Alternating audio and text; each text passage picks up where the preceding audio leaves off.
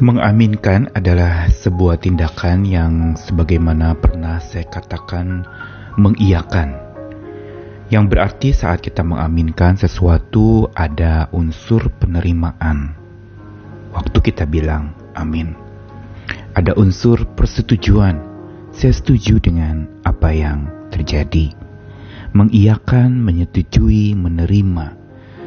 Membutuhkan sebuah kekuatan. Bukan sekedar asal bilang iya, asal bilang terima, asal bilang setuju. Tetapi mengaminkan di sini sungguh butuh kekuatan dari Tuhan untuk kita bisa melakukannya. Karena memang banyak perkara yang terjadi dalam dunia ini atau apa pun yang terjadi dalam hidup kita tidak begitu mudah seperti membalikan telapak tangan untuk menerimanya.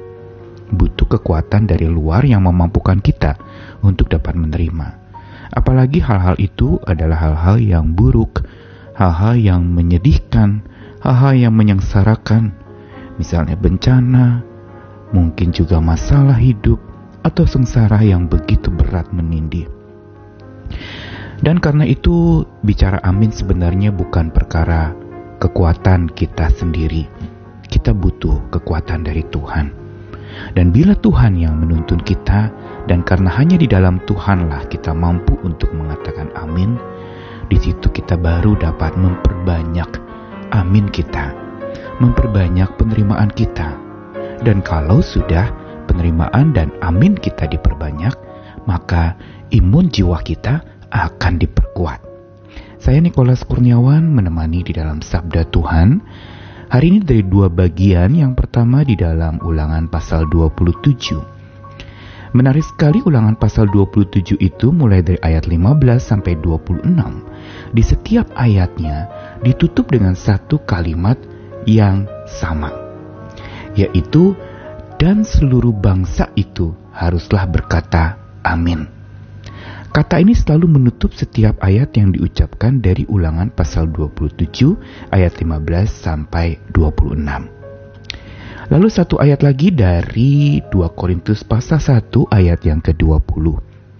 Sebab Kristus adalah ya bagi semua janji Allah. Itulah sebabnya oleh dia kita mengatakan amin untuk memuliakan Allah.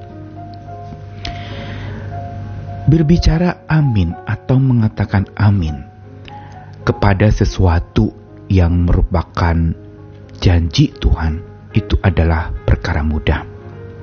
Tapi mengatakan amin kepada sesuatu yang justru merupakan teguran atau hukuman Tuhan itu bukan perkara mudah. Tetapi itulah yang tercantum di dalam ulangan pasal 27 ayat 15 sampai 26 yang isinya semua peringatan tentang kutuk. Misalnya dalam ayat 24 dikatakan terkutuklah orang yang membunuh sesamanya manusia dengan tersembunyi dan seluruh bangsa itu harus berkata amin. Mengapa dalam banyak ayat yang diucapkan tentang kutuk ditutup dengan kalimat yang sama dan seluruh bangsa itu harus berkata amin.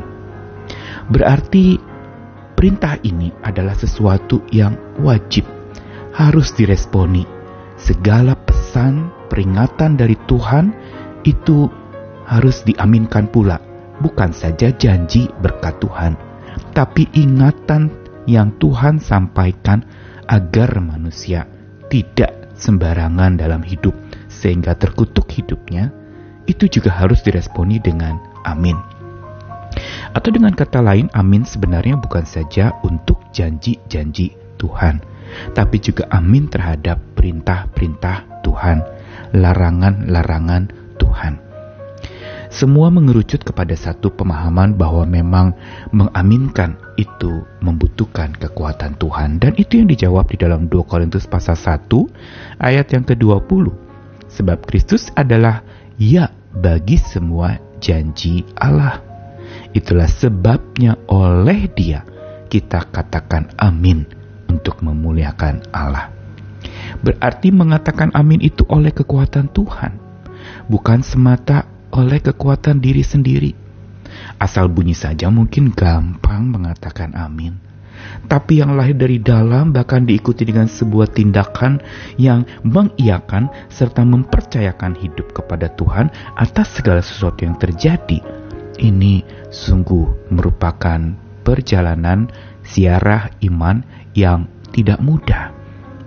Kita perlu untuk benar-benar mengimani segalanya agar kita mampu untuk mengamini pula segalanya.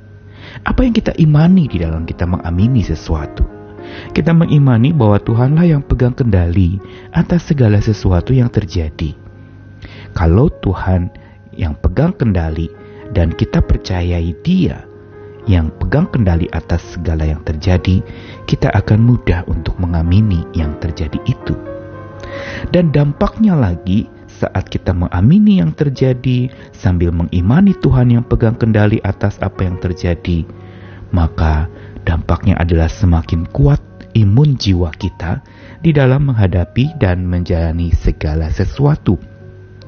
Ini yang dikatakan di dalam 2 Korintus pasal 1 ayat yang ke-21. Di situ dikatakan sebab Dia atau Tuhanlah yang telah meneguhkan hati bersama-sama dengan kamu di dalam Kristus adalah Allah yang telah mengurapi, memeteraikan tanda miliknya atas kita dan memberikan roh kudus dalam hati sebagai jaminan dari semua yang disediakan untuk kita. Dan ini makin harusnya melegakan kita untuk sesegera mungkin mengatakan amin.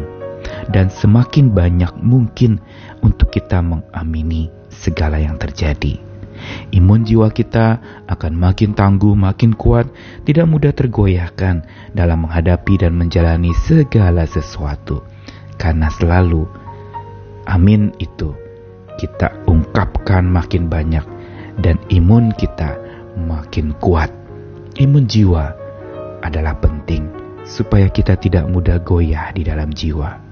Imun di dalam mentalitas kita juga penting supaya kita tidak mudah patah semangat, atau habis mentalitas kita. Mari sandari lagi kekuatan Tuhan karena daripadanya lah kita dimampukan mengaminkan sambil mengimani dan imun kita akan makin bertambah. Tuhan mengasihi kita sekalian, selamat beriman, selamat mengamini, dan selamat makin kuat imun jiwa kita. Tuhan mengasihi. Amin.